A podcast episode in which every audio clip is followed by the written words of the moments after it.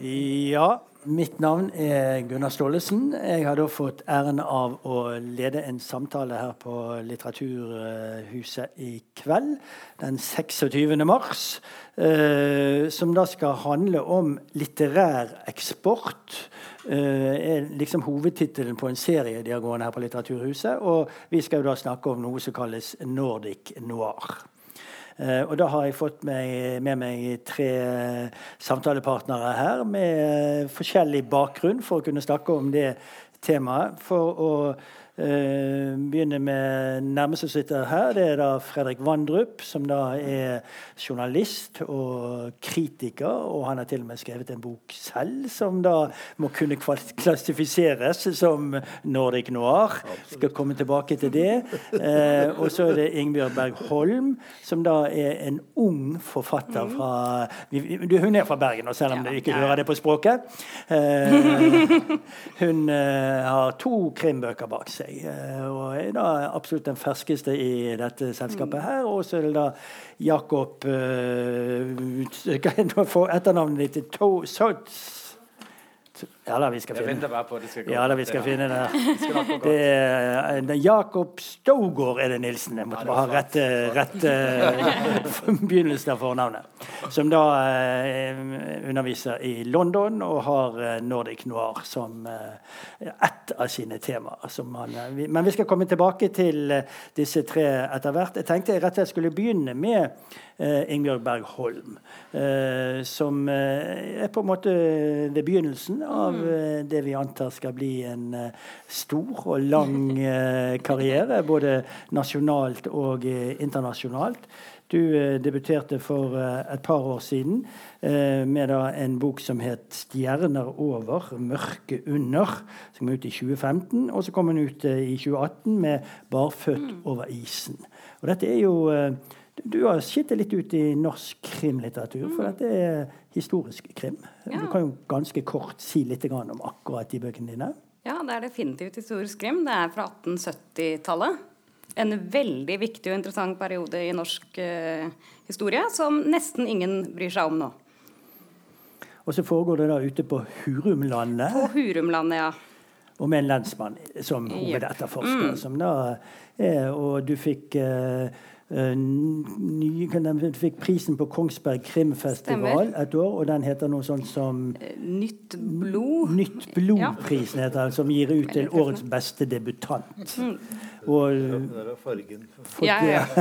Må matche. og du har fått, fått uh, veldig mye bra kritikk. Uh, spørsmålet sånn i vår sammenheng, siden jeg da skal snakke om uh, eksport av litteratur her, er du Eh, er du på spranget til å bli oversatt, eller har det skjedd noe med disse to bøkene dine med tanke på utlandet? Nei, jeg skulle ønske det, men det har nesten skjedd noe. Nei da, det er ikke sant det engang. Det har vært um, veldig hyggelige og varme og hjertelige avslag fra en del utenlandske agenturer. Som sier at dette skulle vi så gjerne, men det er så veldig gamle dager på et veldig rart sted. Så det går ikke å oversette. Mener de, da. Ja. Uh, og det er fra uh, hvilke land? Det, har du vært ute i har, de, har, du prøvd det på Danmark, Sverige, ja, altså England? Jeg, før jeg fikk en agent, for det skal du ha nå. Og nå har jeg en agent, men jeg har ikke, det har ikke um, ført til noe ennå. Men når jeg sendte rundt i agenturene, så prøvde jeg på de store skandinaviske.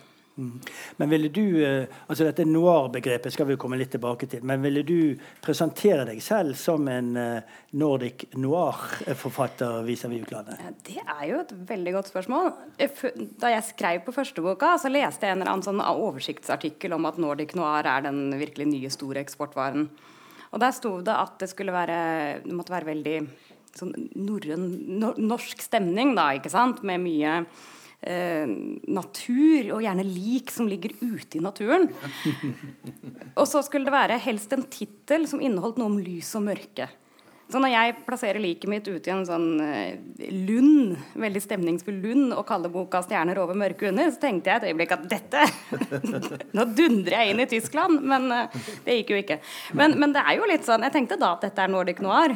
Ja. Men nå er jeg jaggu meg Når jeg har prøvd å sette meg litt mer inn i begrepet nå, så er jeg litt usikker. Mm. Ja, vi kan komme tilbake til det. Kanskje vi trekker en konklusjon ved slutten av møtet, om mm. du kan definere deg som det. Uh, Fredrik, uh, i en invitasjon til dere så lanserte jeg deg som uh, Norges nye Nils Nordberg. fordi du har jo denne bakgrunnen som herr Nordberg har hatt i mange år. Du, du har en enorm breddekunnskap om både krimlitteratur og mye annet. Film, musikk, hva det måtte være. Du er jo en av de flittigste forfatterne Dagbladet har hatt de siste 30 årene. Og i hvert fall har du 40-årene, ja. Men de første ti årene var du kanskje ikke så sentralt plassert som eh, du har vært etter hvert. Men, eh, men, i alle fall eh, sett sånn fra ditt ståpunkt da, som en sentral skribent og også, som jeg har sagt, forfatter av en bok som het 'Svart poker', som kom ut i 2006. Hvordan, hva, hvordan er ditt perspektiv på dette begrepet Nordic noir? Vil du prøve å plassere det et sted sett fra Norge? Ja, nei, altså, det, det, det, er jo et, et, begrep som snevrer litt inn. Uh, fordi noir er jo, er jo, knyttet til en helt spesiell uh, bølge i amerikansk film på 1940-50-tallet. Og det er et begrep som er skapt av franske kritikere som uh, etter krigen fikk se alle disse filmene og, og, jublet og sa her er det noe veldig flott. Og det var svart-hvitt-filmer. Og de hadde ganske sånn begrenset uh, tematikk, men det var mye, mye sjalusi. Mye uh, mord på bakgrunn av, uh, av konflikter mellom to og tre. Det var skurker som var på rømmen, og som, og som gikk mot sin klare undergang på slutten av, av, filmen. Det var dystre, dystre filmer som, som, hadde et helt eget sånn lys skjær i seg. da. Men, det, men, den har jo hatt en enorm innflytelse, denne, denne, bølgen. Så vi har jo fått en masse filmer som også blir kalt for neo-noir, og som også har noe av de samme, samme uh, skal vi si, tematikken. Sånn som filmene til brødrene Coven, f.eks., eller, uh, eller til Quentin Tarantino. Eller, altså. Og i, i, Norge har jo dette her, uh, her slått inn eh, skal vi si, i, i bølger, tror jeg. Uh, Norge har hatt en noir-litteratur som, uh, som jeg tenker, uh, tenker har kommet Jeg satt og tenkte på dette i dag. så sa dette Tre bølger og en flom.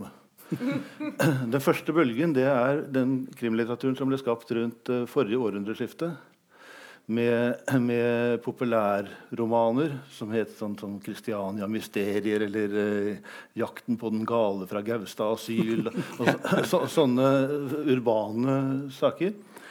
Og så hadde vi da Sven Elvestad, som dukket opp som Stein Riverton og skapte figuren Knut Gribb. Og han figurerte i Detektivmagasinet og i et blad som het Lys og skygge. Og dette var jo veld, veldig noir. Lys og skygge det er jo noir. ikke sant? Og det var veldig urbant og, og spennende. Så kom det en periode i norsk krim hvor, det, hvor, dette ikke var så påfallende. Men så kom den andre bølgen, og da kom du inn. Eh, sammen med Jon Michelet og enkelte andre, og, og skrev eh, eh, romaner inspirert av amerikansk krim på 70-tallet. Eh, ikke alle som krim på den tiden gjorde det, men, men du gjorde det veldig bevisst. Og, og, og for Jon Michelet var det også en veldig, veldig sterk stemning av noir, kan du si. Og så kom det en ny bølge på, på, på, på 90-tallet med, med, Kjell Olav Dahl, eh, Karin Fossum eh, og skal vi si etter hvert så kom Jo Nesbø inn i bildet, og, og Unni Lindell, eh, som også skrev fra byer, og, og, som hadde sånne litt urbane miljøer. Og så kommer flommen. Fordi da oppdaget forlagene at det var penger i dette her. ikke sant? Og så ble norske forfattere overfordret til å skrive krim. Og det ble altså eh, Det har tatt gått over stokker og stein og alle støvleskaft og kommet utrolig mye krim.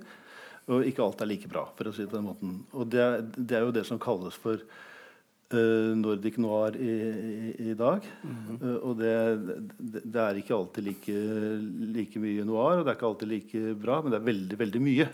Mm -hmm. Uh, og, og, så det overvelder oss nesten. Mm. Og da, Noen vil jo være litt usikre på om eh, alt det eh, egentlig kan defineres som noir innenfor mm. krimmen. For det er jo ulike sjangere innenfor Absolutt. krimmen også. Eh, du nevner jo film, fransk film eller amerikansk film sett fra Frankrike som en inspirasjon her. Men jeg vil jo også gå tilbake til 40-tallet, når det da i, i, Frankrike kom ut en série noir, som jo senere i Norge ble oversatt til Den svarte serie, ja. som jo ble veldig veldig toneangivende i Norge. Og det var jo mm. også serie noir i Absolutt. Frankrike. Og Raymond Chandler, Dashiell Hammett de ble jo faktisk oppdaget og anerkjent ja, i Frankrike lenge før de var det i og også USA. Også mer, mer forfattere som var svært ukjente i USA, som bare kom ut som eh, i, i pocketutgaver, sånn som David Goodies eller Tim Thompson. Eh, og, og, andre som, som, eh, først nå i, i, altså de siste 20 årene har fått sin renessanse i USA. Da. Men altså, den gangen var de, var de, oversett. Men franskmennene de oppdaget det. De var veldig opptatt av dette. Mm. Og det var franske forfattere som tok eh, amerikansk pseudonym og utga eh, noirbøker ja, ja. i, i, Frankrike. fordi det kom liksom, Vernon Sullivan, vet du hvem det var? Ja, det var Boris Vian. Ja, det var Boris, Boris Vian. Vian. ja, som skrev 'Herr president'. ja da. Jeg har til og med lest et par av de bøkene. Ja, I spit on your grave, heter han på engelsk. Han, ja. helt, helt, korrekt. Eh, Jakob, vår uh, gjest fra Danmark her. Og i og for seg så bor du jo i London og underviser i London. Og du er jo da midt i smørøyet på mange måter når det er å vurdere mm, i hvert fall den veksten, uh, fremveksten av såkalt Nordic eh, noir sett fra utlandet. Nå er du, men du er jo historiker, så selv om du er en relativt ung mann, så du jo, kan du jo ha et litt lengre perspektiv. Men, men har du noen mening om Eh, hvorfor dette for det begrepet, altså Jeg er blitt oversatt siden 1980-tallet til andre land. og På 80-tallet var det ingen som snakket om noe Nordic noir. eller noe sånt, og Knapt nok utover på 90-tallet. Da begynte det kanskje å dukke opp. Men når, kan du plassere sånn omtrent når man begynte å snakke om såkalt Nordic noir? Det kan jeg helt presist, fordi uh, jeg håper dere forstår mitt danske. Mm -hmm. Det er et håpløst dansk. Men dere forstår meg godt. Det er godt. Jeg har øvet meg på norsk ved å høre norsk podkast en hel uke. Så jeg håper jeg kan forstå alt. Det er verre omvendt om det hadde vært en nordmann og satt fullt av dansker her. det kan være. Nei, men det er helt presist. Så Nordic Noir er en oppfinnelse. Og det er et brand. Og det var et brand som uh, vi påstår vi fant på i England. Uh, I 2010 da besluttet vi oss for på mitt uh, institutt for skandinaviske studier at vi skulle prøve å få englendere interessert i skandinavisk litteratur og kultur. Øh, og på det tidspunkt var selvfølgelig Stig Larsson lige blevet meget populær, ble oversatt i 2009, 2009. Og um, uh, The Killing, forbrytelsen, var lige blevet vist for første gang på TV. Så vi så, der var noe på færre. Så jeg, ah, det skal vi ha, fordi så kan vi få noen til å bli interesseret. Så vi lavede en Nordic Noir Book Club i 2010, som, hvor vi inviterede Gunnar og, øh, og andre øh, året efter til å komme og fortelle oss om norsk krimi. Men der var ikke Nordic Noir før. Der skrev man norsk krim. Eller man skrev bare krimier. Eller skandinavisk krimi. Eller der var noget, men man talte ikke riktig om skandinavisk krimi i akademiske kredse. Fordi hvis man leser bøger om krimi i Storbritannien, i USA, så er det kun engelsksproget krimi. Mm. Ja? Inntil for måske fem år siden. Og nå, når man leser bøger om krimi, så er 50 skandinavisk. Mm. Ja, så er der engelske og en franskmann. så verden er blitt vendt på hodet på fem-ti år. Det er skjedd meget. Da vi startet, Jeg kjente ikke noe til krimi da jeg startet i 2010. Altså, vi skal ha noe Nordic Noir. Men jeg ble inviteret på et øh, BBC-program, som var en dokumentarserie om krimi. Så de hadde italiensk krimi, og så skulle de ha det her nye skandinaviske. Og de kalte deres uh, dokumentar for The Story of Scandinavian Crime Fiction. Inntil jeg ble intervjuet med uh, Barry Forshaw og flere store forfattere fra Skandinavien ble intervjuet til denne serie, som kan finnes på YouTube. Det er sikkert ulovlig å se den. Um, men da de hørte vi hadde denne Nordic Noir Book Club, så sa de ja, det er, godt, uh, det er et godt ord, det er et godt navn. Det tar vi. Så de kalte deres dokumentar for Nordic Noir.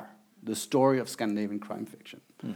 og forlagene i Storbritannien var jo snu. Så de tog jo med det samme det her begreb. Den største videodistributør er uh, subtitled, hvad hedder det, undertekstet TV i Storbritannien. De ændrede navn fra Arrow Films til uh, Nordic Noir Films. Right? Så det ble et brand. Uh, jeg ble inviteret på radioen hele tiden og skulle fortelle om det her nye Nordic Noir. Hva betyder det? Og jeg sa hver eneste gang, at det kommer til å ta ett år, så det er dødt. Der finnes ikke mer. Der kommer ingen store nye forfattere. Det er, en, det er hype. Og hver eneste gang jeg sagde det, så kom der en ny tv-serie næste måned, eller en Jon Espe kom og sagde, Stig Larsson, der, det er finished. Uh, så jeg er den dårligste uh, til at udtale mig om Nordic Noir og fremtiden, fordi jeg har taget fejl, og, taget fejl, og jeg har taget fejl nu uh, i, uh, i 10 år. Så det er en, uh, det er en rekord. Og jeg har taget, jeg fejl. Um, fordi det bliver ved og ved. Og det har haft en kæmpe indflydelse på ikke blot Skandinavien, kultur og litteratur i Storbritannien. Der har lige været en festival i London, uh, der hed um, Nordic Matters, som var sponsoreret af de skandinaviske kulturinstitutter med uh, South Bank i London, som er den største kulturinstitution i Storbritannien.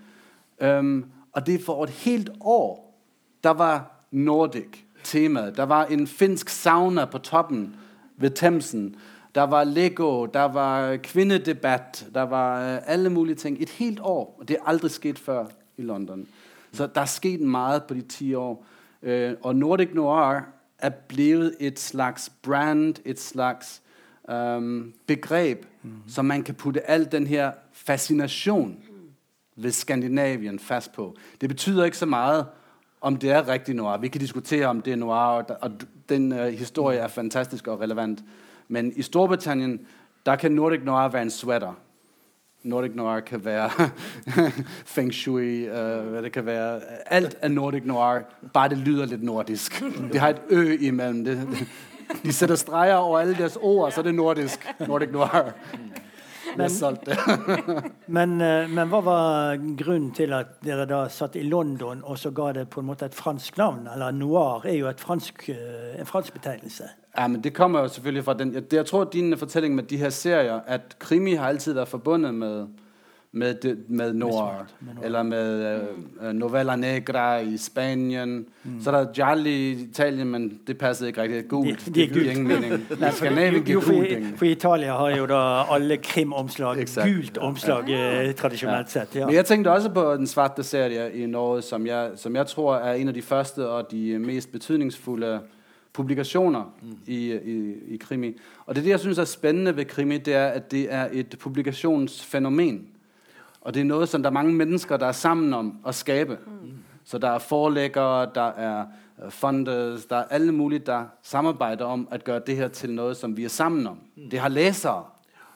Så for meg er det det mest spændende ved litteratur, det er, hvor der er en masse mennesker, der er sammen om et eller annet. Og det starter med de her serier. Mm. Vi snakkede om bogklubber og andre ting. Mm. Og der har krimierne i, i, i Skandinavien haft en stor betydning for, hvad vi kalder den nordiske velfærdsstat. Mm. Og det, her, det begyndte jeg så at skrive en bog om, der jeg fik udgivet i, for to år siden, som er historien om skandinavisk krimi som en velfærdsstatsfortælling. Mm.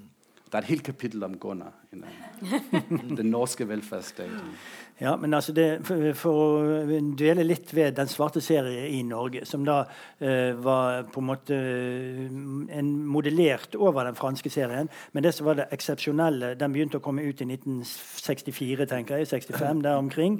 Og så ga de jo da ut f.eks. 'Sjøhval og Hvaløy', som vi er nødt til å snakke om når vi skal snakke om Nordic Noir. Og de kom ut som paperbacks den gangen. Direkte billig pris, sånn at vi som var unge skoleelever og studenter, vi kunne kjøpe disse bøkene. Mm. Eh, og det er jo veldig sjelden at man da, når det gjelder såkalt seriøs litteratur, eh, oversetter det og sender det direkte ut som paperback. For det er mye mindre fortjeneste for forlagene å få på det. Men dette gjorde jo da at eh, Sjøvald og Valø fikk en enorm, enormt nedslag blant eh, lesere som etter hvert ble forfattere, noen av dem. Og de utga da Ross MacDonald på norsk for første gang, så oppdaget med ham. Raymond Chandler, Dashiell Hammett, eh, Len Dayton, Patricia Highsmith. De, de, tok liksom Plutselig lanserte de da en masse forfattere som man tidligere knapt James Hadley Chase ja, og ja. Charles Williams. Startede med, mm. ja. er. De startet med Hardboiled Ja. Den her serie, og så kom Ja. Hardboiled og sjøvalget var Den aller første mindre, boken var faktisk Len Dayton, altså den, uh, Ah, var det engelsk, engelske spionforfatteren, Ja. som het 'Likferd i Berlin'. Ja. Og da hadde designeren laget et enormt svart øye som fylte hele førstesiden. Og når uh, forlagssjefen uh, fikk se det, så sa han nei, nei, nei, nei, nei, nei. Dette, dette må jo ikke være så stort. Så, så det endte med at det ble et lite sånt svart øye oppi, oppi hjørnet, og så ble det varemerket på Ja. en lang periode. Og, men, men, og var var jo en, en spionforfatter, men han skrev jo helt i, i klassisk Raymond Chandler-stil. For det var metaforer, og det var førstepersonsforteller, og det var i det hele tatt Det var, det var spionromanens I Raymond Chandler. sånn, ja. Ja. Nei, så Den serien betydde jo enormt. Ja. Og han som startet den, eh, Sigmund Hoftun, som, eh, som var eh, frankofil og var ekspert på Frankrike, han kjente selvfølgelig meget, godt til serie noir. Så, altså den franske serien, som begynte allerede i 1945, tror jeg. Og det, og, og, så den var bygget opp etter modell av den. Og Gunnar og Jon Michelet fikk jo noen av sine første bøker ut direkte i svarte serie. Uten å gå omveien om uh, Våre kom jo ut som resultat av en kriminalromankonkurranse Ja. som, som Gyldendal hadde, og der premien var å komme ut i svarte serie. Ja da. Ja. Og, og, det var dere stolte av, selvfølgelig. Ja, ja, selvsagt. Og, og, og det var jo Olav Angel og et annet, en annen ting som skjedde akkurat på samme tidspunkt. Altså var, da var vi kommet frem på, til midt på 70-tallet. 75. Ja, og, og Jon fikk to sine to første bøker ut som svarte serie. Så kom Olav Angels bok 'Perdido Perdido', som vant den Den vant konkurransen. Jeg fikk andreprisen. Og du fikk andreprisen med Ryggeran 2 i spann. Og, og, og dette virket åpenbart også inspirerende på, på ordentlige forfattere. Altså Forfattere som, som vanligvis skrev helt andre typer bøker. Så Kjartan Fløgstad for eksempel, og Johan Fredrik Grøgaard og, og eh, ja, Ingvar Ambjørnsen etter hvert og, og Lars Aabye Christensen skrev også kriminalromaner som på en måte var inspirert av denne Chandler-interessen og den bølgen som kom. Mm. Danmark Nå Når begynner den moderne krimibølgen for alvor der? Har du eh, Jeg starter med Bodelsen i min fortælling. ja, Anders Bodelsen. Så min, min fortelling om skandinavisk krimi har den norske, den svenske og den danske. Du er den norske, uh, Søverden Varlø er den svenske, og Anders Bodelsen er den danske. Og de viser nogle øh, bestemte tendenser i den måde, som vi forskjellige forskellige Vi er meget ens, Danmark Norge og Sverige. Men vi skal finne ut av noen forskjell, ellers blir det for kjedelig. Du har ikke, du har ikke med Palle Rosenkrantz? Nei, jeg, jeg går ikke på den historien. Hva Det er- Skårsjøen gjemte? Nei. Nei, nei det, det er for hårdt å lese. Ja. Det, det, det kunne være Sten Stensen Blikker selvfølgelig, hvis vi skal tilbake til 1900.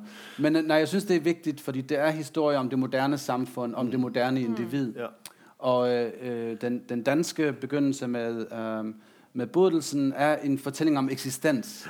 Og det synes jeg adskiller de danske krimier fra mange af de norske og svenske, der de er meget optaget af individet og eksistensen. Mm. Det er sikkert Søren Kierkegaard, der sidder deroppe og hakker i vores ja. hjerner et eller andet sted. Men det er jo, det er jo det med at leve op, øh, øh, øh, at vokse op i det her fremmedgjort øh, moderne samfund, hvor vi ikke vår egen seksualitet, og hva er meningen med livet og Forbrukersamfunnet og hva har vi. Det og, de er ikke riktig læst i dag, men i, øh, da de ble utgitt i øh, 68, der ble de jo um, både oversatt til engelsk og øh, blev solgt i USA og ble filmatiseret. Så det er også noe der kendetegner de her tidlig, det er, at de meget hurtigt, når jeg skal lave min historie om Nordic Noir, at de blir meget hurtig oversatt til andre sprog. Mm. Og blev meget hurtigt lavet til film.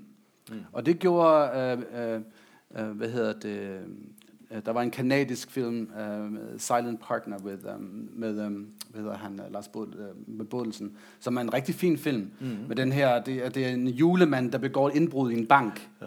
Ja, den skal jeg, hvis I vil have en, sorry ja. Nei, men An- An- Anders Bodelsen var jo eh, en forfatter eh, Han er jo ett hakk foran både Sjøvald og Valø og de andre, vil jeg vel si, når hans første bøker kommer ut. Eh, og Han ble jo lagt merke til også i Norge. Han ble jo en veldig populær forfatter også i Norge. Så han er vel kanskje den som begynner denne bevegelsen mot moderne krim i uh, hele Skandinavia. Han har jo Også- klart sånn, uh, sånn skal vi si, noir-aspekt ved det at han, han, han, han skildrer forbrytere på flukt, på en måte. Altså folk som har gjort noe galt, og så, og så blir de paranoide, og de blir forfulgt. og Jeg tror han har sagt noe sånt som at en thriller. Den skal drive hovedpersonen ut til kanten av stupet. Ja. Han er inspireret af til forskjell fra den, fra den. Så det er den, den hårdkogte amerikanske bølgen finner vei inn i norsk med ditt forfatterskap, og den amerikanske politiromanen finner seg vei inn i den svenske tradisjonen og blir en police procedural genre, og øh, Simenon finder sig vej ind i den danske. Med, Ja, øh, ja. Så det er min genealogi. Det er meget videnskabeligt. Ja, ja. Det er darwinistisk uh, krimiforskning, ja. Sjøvald Vale hadde jo faktisk oversatt Ed McBain. Ja, det er riktig. Ja. Men så kommer og Vale, og når vi snakker om, om nordisk krim internasjonalt, og i og for seg ikke bare nordisk krim, men krim generelt, så er det jo et vannskille ved Sjøvald og Vale. Og Ian Rankin, som jeg jo kjenner godt, og som nå skriver fra Skottland, han eh, sier jo litt sånn spøkefullt at han ble jo også veldig inspirert av Sjøvald og Vale, og han regner seg ikke som en britisk forfatter, eh, også selvfølgelig fordi han er fra Skottland, Skottland, men, eh, men han regner seg som en nordsjøforfatter. Mm. Så han følte i og for seg like mye samhørighet med skandinaviske forfattere som med andre britiske forfattere. Og det kan man jo se når man leser eh, hans bøker om eh, inspektør Rebus. Fra, Så er det jo mye av det samme som Martin Beck. eh, det er bare en annen by enn Stockholm.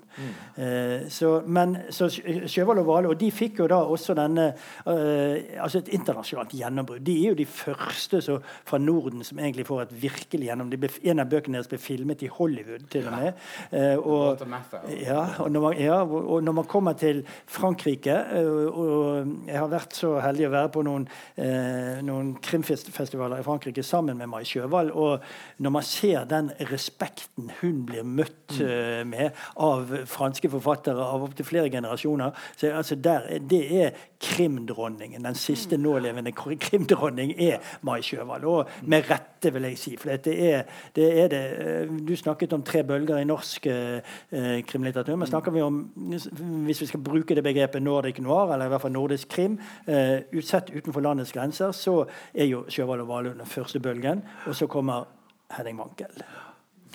Eh, har du eh, Ja, ut fra at du eh, også har, har det samme synspunktet på akkurat dette som du nevner Valund, som, Ja. som de svenske, svenske forbildene der. Jeg unge forfattere ja, de de her... øh, Har du, leser du Valund? Nei, Nei, ikke mye av dem. Nei, for min del. Eh, Så starta det med Den svarte serie med Raymond Chandler.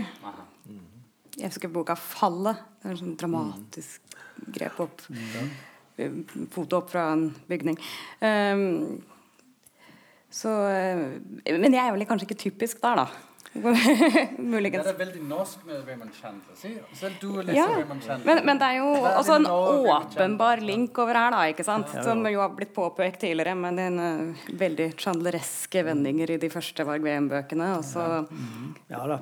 Men dine, men dine bøker, altså hvis man skal se litterært sett, så minner vel de meg mer om Simenon, kanskje, hvis vi skal snakke om eh, en type litterær skole. Selv om du er jo litt, eh, litt spesiell, for du har et høy, veldig høy kvali litterær kvalitet på en, altså en troverdig stil.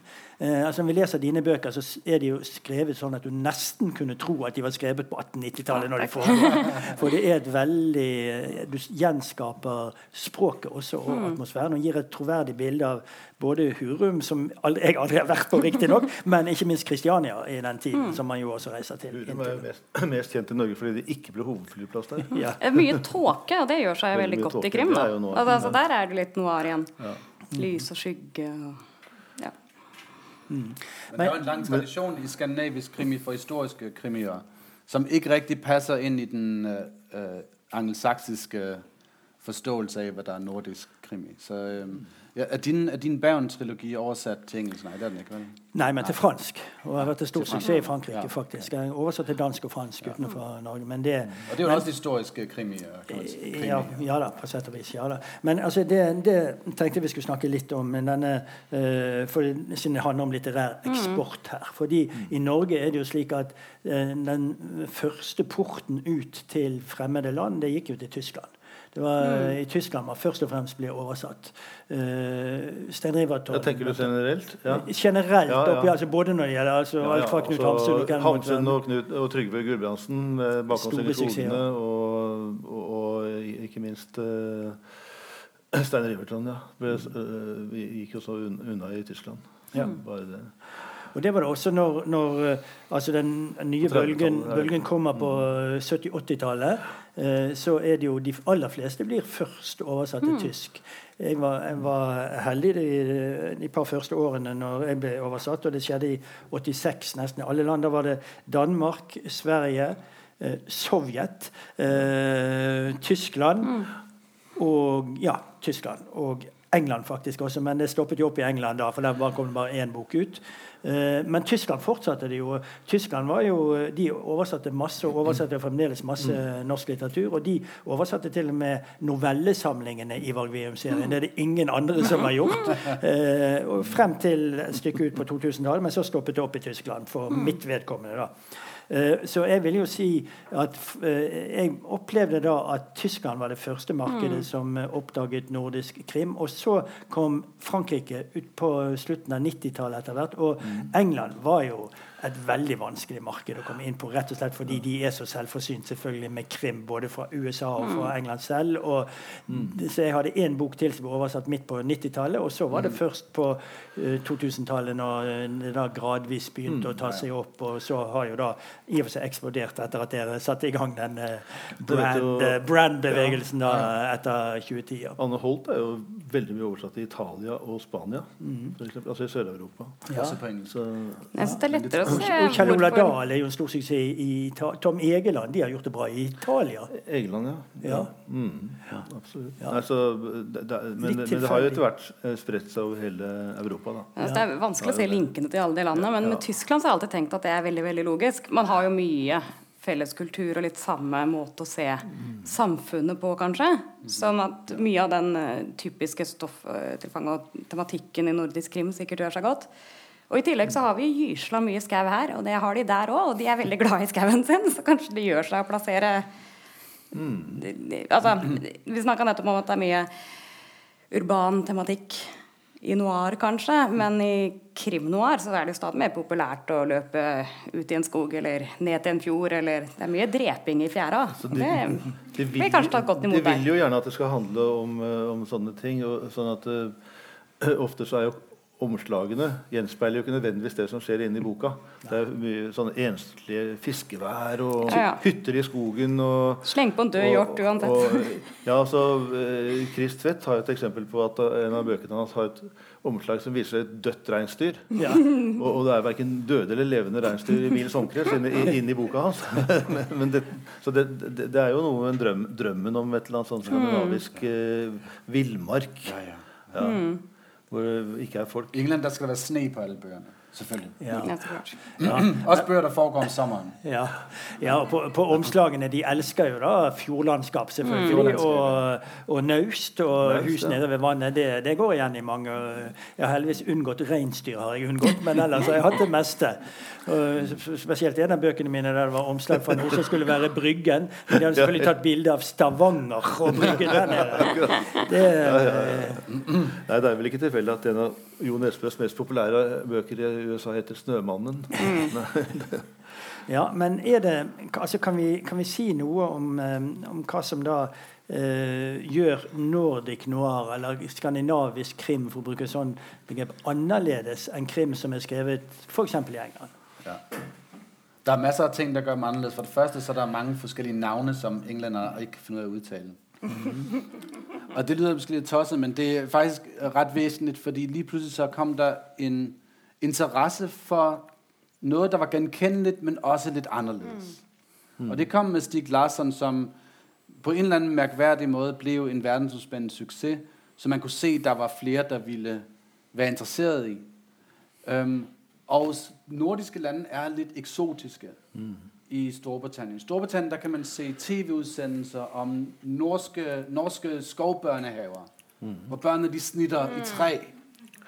Og de englænder de sidder der, hvad er det for et merkverdig land Av ville vilde mennesker, som ligner oss selv fullstendig.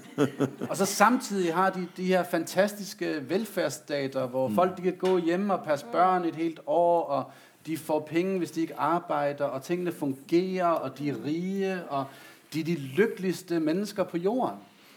Det forstår vi ikke. Og så samtidig skriver de alle de her romaner om folk, der bliver myrdet øh, i alle mulige og mærkelige steder.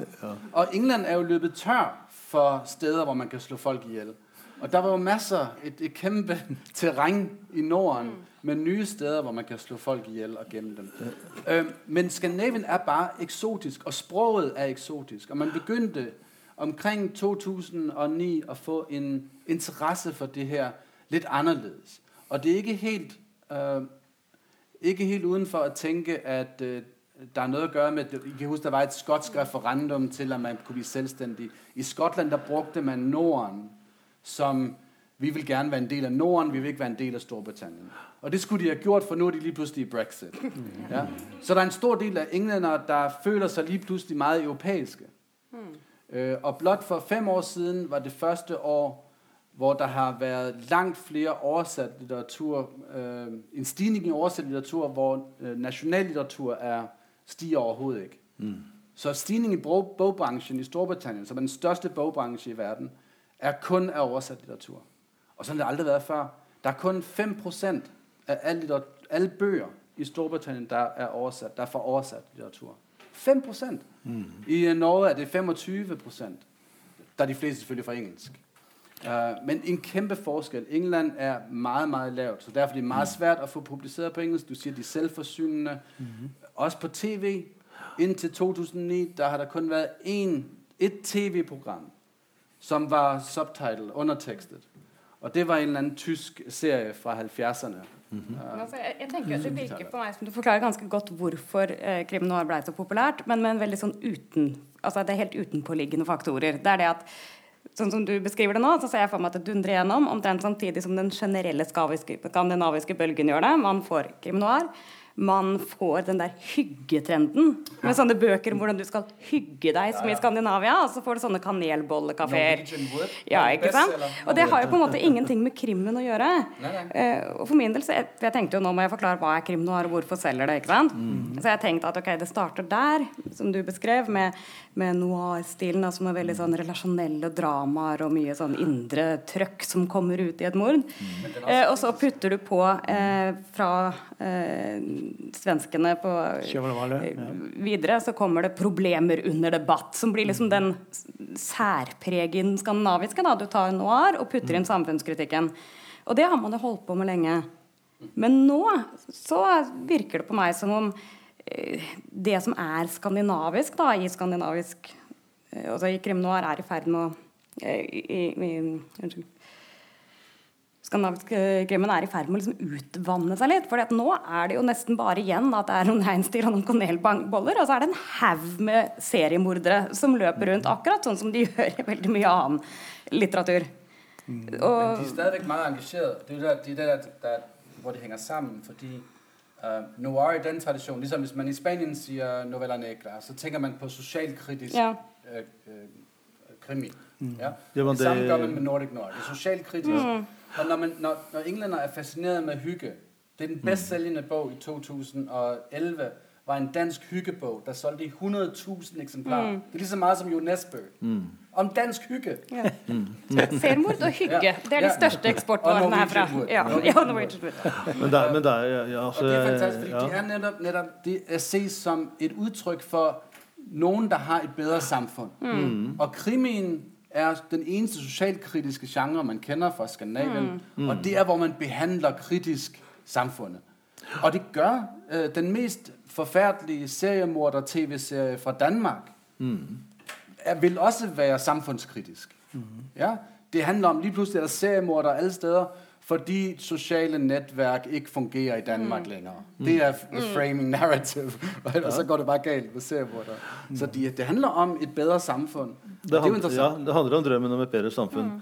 Men, men alle disse utlendingene tror jo at Skandinavia er et idealsamfunn. Mm. Så det er et paradoks at man da har en stor litteratur som, uh, som uh, kritiserer dette, dette, fantastiske demokratiet som vi har hatt. Altså, uh, og det er ikke noe tvil om at hvis det er en litteratur som har båret oppe si, den sosialkritiske tendensen mm i, eh, opp til vår tid, så er det jo kriminallitteraturen.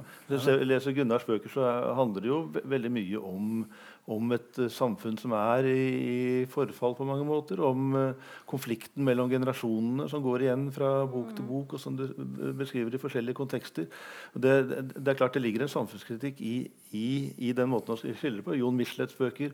Og, og i, i, dag er det jo selvfølgelig mye mer mye mer vanskelig å få øye på dette. Fordi folk skriver som du sier, litt ville bøker om gale seriemordere. Du har operakrim. Du har Øystein Wiik, som skriver de mest bestialske bøkene i Norge. Han, skriver, han er operasanger. Og, og, du har, eh, du har gourmetkrim av Gert Nygaardshaug. Og du har eh, har, har lensmannskrim uh, ute fra bygdene. Og, og, og, og, du har historisk krim. Uh, så, så så det, det, det, er ikke så tydelig lenger at, at, at kriminallitteraturen har et sånt skal vi si, reformprosjekt da, mm. som, som ja. den uh, hadde i lang tid. Til og med opp til Anne Holt og, og, ja, og, og Eneste vi savner, er tannlegekrim. Det har ikke vi fått ennå. Tannlegekrim er vel Det er det vel ingen som orker å skrive. Det er forferdelig.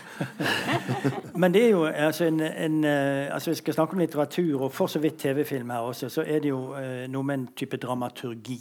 Mm. Og altså, Den tradisjonelle krimmen kommer liksom fra uh, Conan Doyle, Sherlock Holmes, mm. som igjen var basert basert på Edward Allan Poe og den type krim. Mm. Så har du jo den lange perioden med Agatha Christie og de store britiske navnene som er da hudanytt uh, mm. crime. Mm. Så, og så kommer da de amerikanske hardkokte. Så dette går, det, det, er jo forskjellige, forskjellige, skoler rett og slett innenfor krimmen. Ja, Men jeg syns jo at uh, når da uh, forbrytelsen kanskje først og fremst kom, den danske serien, så, trakk, så laget den en ny, si, et, nytt, en ny, et nytt læremønster for for eh, dramaturgi. For det som var det beste med den aller første serien i, eh, i 'Forbrytelsen', var jo at den den hadde jo en fortelling som gled videre. Og fra episode til episode så var det fokus på da er det, nei, da er det den som har gjort det. Nei. Og så kommer den Nei, det var ikke den i hele tatt. Det eneste skuffende med den, eh, den, serien var jo avslutningen. For den var jo totalt utenpåklistret. For den var jo helt utroverdig. Og det var mange andre bedre løsninger som man kunne hatt på den serien enn som ble virkelig valgt. Men det ble jo en dramaturgi som f.eks. Eh, eh, fikk etterfølgere også i England. For den, en av de beste britiske krimseriene senere syns jeg er jo den som heter Broadchurch. Eh, og Broadchurch er jo bygget opp akkurat som forbrytelsen. Mm. Er dette noe du uh, har observert, uh, sett fra ditt perspektiv i London ja. også? Ja, de fleste TV-serier i Storbritannia er jo forbrytelsen TV-serier i dag. De har den samme dramaturgi. Og de er også blevet det som man, det produksjonshold der lavede forbrytelsen, de talte om De hadde liksom noen regler for hvordan man skulle lave gode TV-serier. Ligesom uh, Dogma. Kan I huske Dogma 95? Mm. Nogle af jer måske med Lars von Trier. Så man havde dogmer på DR, Danmarks Radios produktionshold. Og en af dogmerne var, at man skulle have double storytelling, kaldt det der. Mm. Så det skulle være underholdning og samfundskritik. Okay? Fordi det skulle vises klokken 8 om aftenen, hvor familien sidder samlet, så der skulle være noget for dem, der godt kunne lide lidt underholdning, og så skulle der også være noget samfundstema. Mm. Det kom lige efter TV-avisen. Øh, så der skulle være noget, mm-hmm. der, sådan det, der ledte ind i det. Øh, og samtidig så har de også fortalt dem, der lavede filmen, at de øh, blev nødt til at tage hele vejen til USA for at lave en dansk serie. Mm. Så den er jo lavet på den her district, Hill Street Blues og Hill Street Blue og hvad de bliver kaldt alle sammen. Og de tog til USA og lærte at lave den her danske tv-serie. Mm. Sammen, hvor man så blandede den amerikanske tradition for tv-serier med den skandinaviske tradition for at lave samfundskritisk mm. uh, tv-krimi. Og det var en kæmpe revolution. Og det er det, du har set i den første serie. Det er en blanding af de to. Uh, og de fleste englænder, det tog dem 10 afsnit og kom over, at de skulle læse undertekster. De kunne slet ikke finde ud af det. De fleste avisartikler handler om, det er jo en spændende serie, selvom vi hele tiden skal sidde og læse undertekster. Det var de slet ikke vant til. Så det tog lang tid før, at den ligesom fik men den havde til sidst øh, næsten en million serier, serier, som er den største tv-succes for en udenlandsproduceret tv for, i Storbritannien. Mm. Ja. Ja. Den danske versjonen. Ja, den danske versjonen. Den, den, den første, og, første, ja. første ja, den amerikanske version blev aldrig vist uh, i Storbritannien. Mm. Men uh, broen selvfølgelig ja. fik sin egen engelsk-franske version. Ja. Ja. Men hvis man læser, du var utilfreds med slutningen, du kan læse den novelliseringen, af forbrydelsen, som er skrevet af en engelsk forfatter. Jaha. Så der er en engelsk forfatter, der har skrevet romanerne, efter tv-serien. Og han ændrede slutningen på alle sammen, så du, der er en god slutning på den. Det er, det er, kanskje en ting jeg syns det var verdt å, å, å, nevne også i forbindelse med disse, denne bølgen. Det er fascinasjonen for landskapet. Uh, i, i både, både, i romanene og i TV-seriene som, eh, som, eh, som, jo Vi snakket om eksotisme. ikke sant? Det nord, nordiske mm. landskapet er eksotisk for, for uh, mange av de som snakker om uh, nordic noir. i, i, i du f.eks. bruker mm. tid på å faktisk eh, bake landskapet inn i storyene, og du ikke minst. ikke sant? Så, så, så akkurat disse, denne vekten på landskap tror jeg er veldig, veldig viktig. Uh, i, i, det nordiske, de islandske bøkene f.eks. Mm. Finske, som er totalt undervurdert, men av språklige grunner antakelig. og, og og de svenske forfatterne de har jo hver sin bitte lille bygd hvor det foregår massemord i ett eneste kjør. Og de, de, har også små øyer som de annekterer, eh, hver sin øy. Og der er politiet uavlatelig i sving med å jage mordere. Så, så, dette med dette litt romantiske visjonen av det skandinaviske mm. landskapet tror jeg er et viktig aspekt. Men er min teori om hvorfor norsk krimi er så viktig. Det er fordi nordmenn bruger så meget tid i hytter. Ja. uh, især når det er påskekrim. Derfor er jeg især meget beæret over at være i Norge mm. og tale om krimi lige før påske. Mm. Ja. Jeg husker, jeg læste en av dine påskekrimhistorier på en mælkekarton. På et, mm. ja. Men det her med, at nordmænd tager op i en hytte på fjellet mm. og læser krimier, mm. en lang tradition. Uh, man kan jo ikke undgå at sidde og tænke på landskaber, og også nogle af de tidlige uh, thrillers uh, i film, sådan horrorfilm i Nor Norge, var mm. som skovsøer. Vildmark. Ja, ja, de, de døde kjern, de døde kjern. Jo Nesbø oh, ja, sender også folk ja. ud. Mm. Kniver som kommer gjennom teltduker. Ja. ja, men det, det, er interessant med De døde kjern, for den trekker på en måte linjene enda litt lenger tilbake ikke sant? til den uh, romantiske med alt det skumle som bor i naturen. Og i krimmen har kanskje det skumle flyttet inn i mennesket, men da må liksom mennesket eller boka flytte litt mer ut i naturen for å mm. speile det der, da. ikke sant? Ja, sånn i Det døde kjern, hvor monsteret jo veldig, egentlig veldig er en av de koselige menneskene på hyttetur, men bare med en dragning mot tjernet. Ja, ikke? Ja, Omgitt av uhygge og Ja, ja, ja, og kråker og ja. Ja. Nei, men, men, men, eh, dette er jo noe eh, Når vi da i utlandet blir spurt vi om hva det er som skiller eh, nordisk krim fra, fra annen krim, så trekker vi også alltid frem naturen. Det er jo fordi mm. vi har den så tett innpå oss hele tiden. Står du mm. midt i Oslo, oppe ved Slottet og ser rundt deg, så ser du grønne åser. Sant? Det er jo ikke så veldig mange hovedstader, store hovedstader i verden der du ser mm. grønne åser såpass tett innpå hovedstaden. Og det er jo den største byen vi har. Sant? Vi her, her har vi fjellene i øynene. hvor du snur deg. Og, Gjell og vann. Og... Ja, det er, og det er klart at det påvirker jo eh, påvirker eh, de som bor der, på en måte. Sånn at vi forholder oss til naturen hele tiden. Mm. Eh, men du bruker jo masse eh, flotte metaforer på å skildre bergensnaturen. Uh, vi snakket om at du som ikke har vært i Bergen før, du har på en måte vært her, da, for du har lest alle bøkene hans. Gang før. Jeg, 20 ganger har jeg vært i Bergen med, med Gunnar. Med Gunnar, ja. Men det er jo artig. Altså, jeg skal bruke arkitektblikket mitt et øyeblikk, for det er det jeg jobber med sånn ellers. Så er jo Bergen en av de byene hvor du har naturen tettest på deg. Du trenger faktisk ikke å gå opp i fjellene engang, for de bare trøkker seg på deg. Når du står midt i sentrum, så får du liksom fjell uansett hvor du ser. Så du kan ikke unngå liksom, ja, nærmest få naturen klebet til sjela uansett hvor du snur deg. Det må jo prege skrivemåten, det er helt åpenbart. tenkte jeg kunne uh, igjen gå et lite hakk tilbake. Henning Mankel han var jo eh, på mange måter kanskje altså Sjøvald og Valø lagde det første gjennombruddet. Så ble det jo stille når eh, Per Valø dør i 75 i en god del år. Og Henning Mankel debuterer jo ikke før i 91-92, mm. tidlig på 90-tallet. Eh, og han blir jo da etter hvert en enorm internasjonal suksess. Men det tok tid? Ja, det tok, tok, det tok tid. Og han prøvde først å bli utgitt i Tyskland. Han ble først utgitt i Tyskland, men uh, der var slett ingen suksess. Mm -hmm. Uh, men uh, hans uh, agent på det tidspunkt havde fundet ud af, at der har været en anden forfatter, der har haft stor succes på det amerikanske marked, som var Peter Hø. Ja. Mm.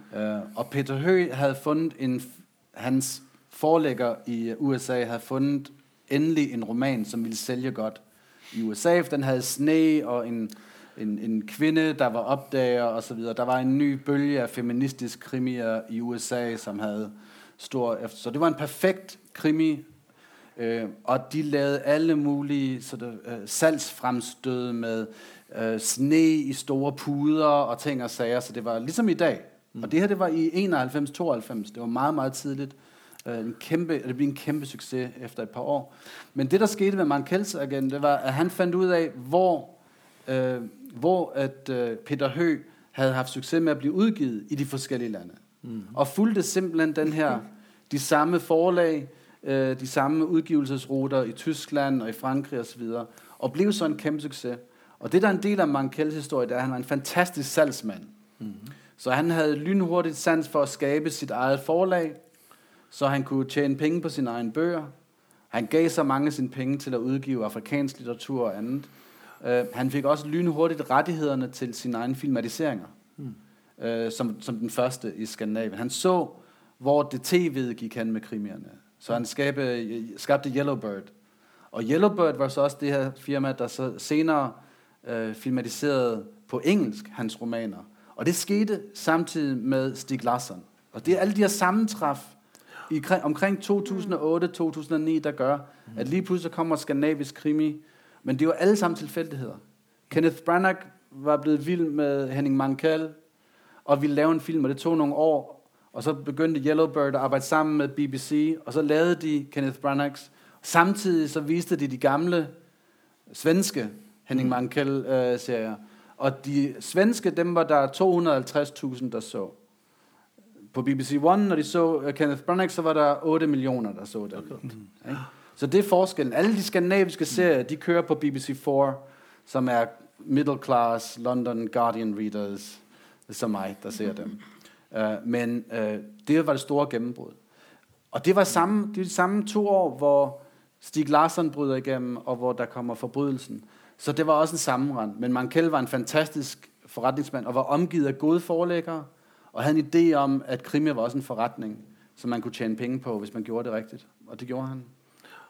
Men samtidig med var det jo også, det var den første store, øh, moderne samfundskritiske roman. Face, hvad hedder den? Den første Faceless Killers. Uh, ansigt. Det, det første til uh, Den første Henning Mankell. Ja, morderen uden ansikt'. Morderen uden Morder uden ansigt, ja. ja som jo var en respons, et forsøg på at skrive en kriminalroman om svensk rasisme i 91. Mm-hmm. um, og interessant nok, så var det jo også en historie, der stadig fungerede i 2000-tallet, hvor han ble genudgivet. Det hadde ikke ændret seg. Det samme med Stig Larsson.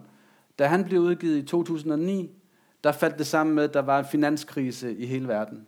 Hvad handler Stig Larssons første roman om? Det handler om finanskrisen i Sverige i 1990. Mm-hmm. Så lige pludselig har han skrevet en roman, som passer perfekt ind til en ny verdensorden. Øh, så der er en masse tilfældigheder, der gør, at lige omkring den her tid, der blev de her forfattere øh, lige pludselig kendte. Men Mangel havde jo været udgivet, og sådan at, at kender af krimi, havde han jo været udgivet igennem øh, 90'erne og 2000, men med, med 8-9 års forsinkelse mm. på engelsk. Mm-hmm. Men var jo en stor succes i, i Frankrig. Frankrike og Tyskland etter hvert. Ja, ja. det, Sweden-krimi var jo sånn ja. skapt omkring Henning Mankell i Tyskland. Og, og, man så jo, Han var jo på toppen av bestselgerlisten ja, overalt. Og det var jo aldri Sjøvold og Valle. Sjøvold og Valle gikk gjennom i liksom krimimiljø og sånn, men de hadde aldri slike salgstall som Henning Mankel eh, mm. gjorde. Så Henning Mankels betydning for spredningen av nordisk krimlitteratur er nok eh, eh, veldig betydelig. Han fant også gode oversetter i Tyskland. Hans ja. første roman var fryktelig dårlig oversatt. Mm-hmm. Som også var en grund til, at den, den gik så dårligt. Mm. Men så fandt han en bedre oversætter, efter han var blevet mere populær. Og så gik det meget bedre. Mm. Så det har stor betydning. Det har du selv. Du har en god oversætter i, uh, i Storbritannien. Så ja, og, den i bedste. og i Frankrike også. og i Frankrike også. Uh, vi sitter jo et uh, publikum her. Er det noen uh, i salen som har noen direkte spørsmål eller kommentarer til det vi har snakket om? Så har vi til og med en bevegelig mikrofon her som noen kan få. Gi et tegn i så fall.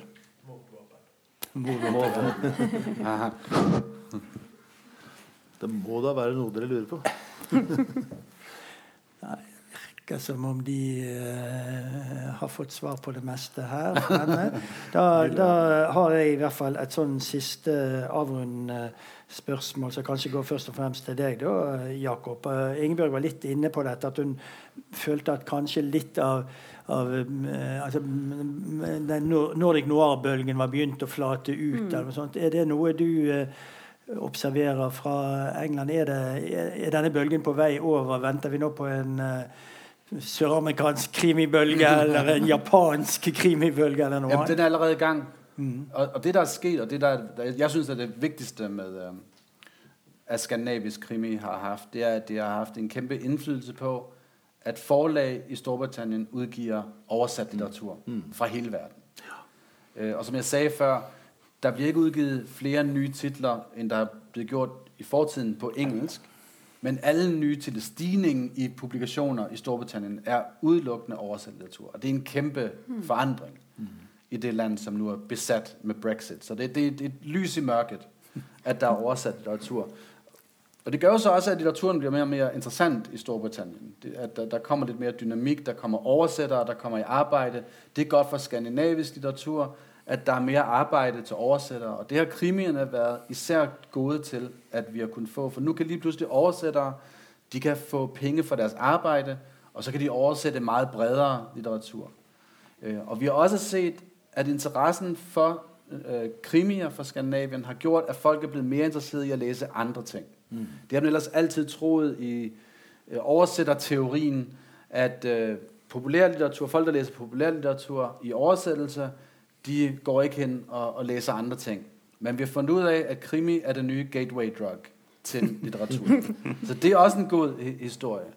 Um, og så tror jeg også, der kommer til at ske noget nu med, at skandinaviske lande har været så dygtige til at professionalisere deres litteraturnetværk. Forlagene er blevet bedre. Der kom flere internationale agenter i, i de skandinaviske lande. For 10 år siden, der eksisterede der kun litterære agenter i Sverige, og der var ganske få. Nå finnes de også i Danmark og i Norge og på Island. Øh, de nordiske fonde er blevet bedre til å støtte populærlitteratur også, og til å støtte øh, av af litteratur, ikke kun oversettelser. Øh, og så har de skandinaviske lande vært dygtige til å komme på Frankfurts øh, bogmesse som øh, land. Og det er Norge, og det er en av anledningen til, at vi er her i dag, det er, at Norge skal være guest of honor ved Frankfurt. Og det er en kæmpe ting.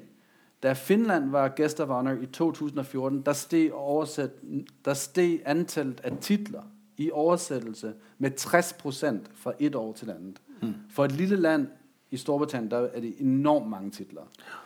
Norge er det eneste land, der i de sidste 3-4 år har haft en stigning i titler. De har altså steget mer enn svenske og danske publikationer. Så norske, norske titler stiger mer og mer. På grunn av 3-4 fattere selvfølgelig. Uh, men det betyder, at de allerede er en, en opadstigende uh, liste med, med titler. Så tænk så, hvad der kan ske, hvis der kommer en Frankfurt bogmesse med meget bredere udvalg af norsk litteratur. Mm. Måske også klassikere. Jeg har selv været kontaktet af Penguin, der har spurgt om, hvad, kan vi udgive af norsk litteratur fra arkiverne? hvad kan vi, så der er en interesse for et meget bredere Hvor svarer du da? norsk litteratur. Det er en lang historie.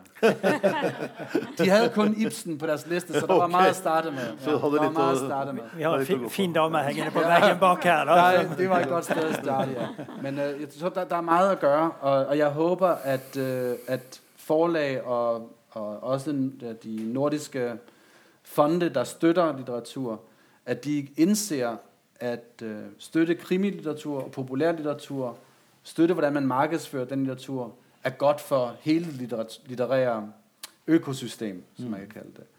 Um, så der, der er noget at se frem til. Jeg glæder mig til at se, hvad der sker i 2015.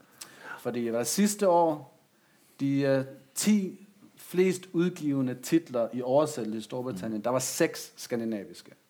Så 6 ud af 10 titler er de mest solgte oversatte mm. bøger. Nummer 1 og 2 var Jonas Bøh. Men der var også uh, Maja, hvad hedder han? Maja Lunde. Ja. Mm. Som hun var nummer syv. Og, og Lars, Lars Mytting. Lars Mytting. Han var ikke i top 10, men tæt på. Ja. Han er jo højt oppe, ja. ja. Men det var året før. Ja. Så uh, det er fantastisk. Mm. Ja. Uh, så når vi sidder og underviser i skandinavisk mm. litteratur i Storbritannien, så det er med en anden følelse i dag, enn det var for ti år siden, hvor ingen kjente noe som helst til skandinavisk litteratur. Ja. Ja, jeg syns det var en bra konklusjon jeg, på dette. Så kan vi alle reise til Frankfurt i oktober. Ja, det skal vi. Så kan Jeg biter meg også merke i bare som et sluttpoeng som understreker det vi har diskutert, at hvis det er da stemmer at det var eh, Lars Mytting og Maja Lunde i hvert fall på topp. Ja. Det er jo et fellestrekk der med mye bruk av naturen i det også. Ja, Så det blir vel kanskje stående som en sånn det folk vil ha fra Skandinavia. Store fortellinger og mye natur. Ja. Ja. Ja. Nordic cooking. Og hogging av tre. Og hogging av ved. Hogging av- ved, det er det. ja da. Ja, men da sier vi uh, tusen takk for uh, oppmerksomheten. Jeg håper dere vet litt mer om Nordic Noir etter denne samtalen. Takk for det, Gunnar.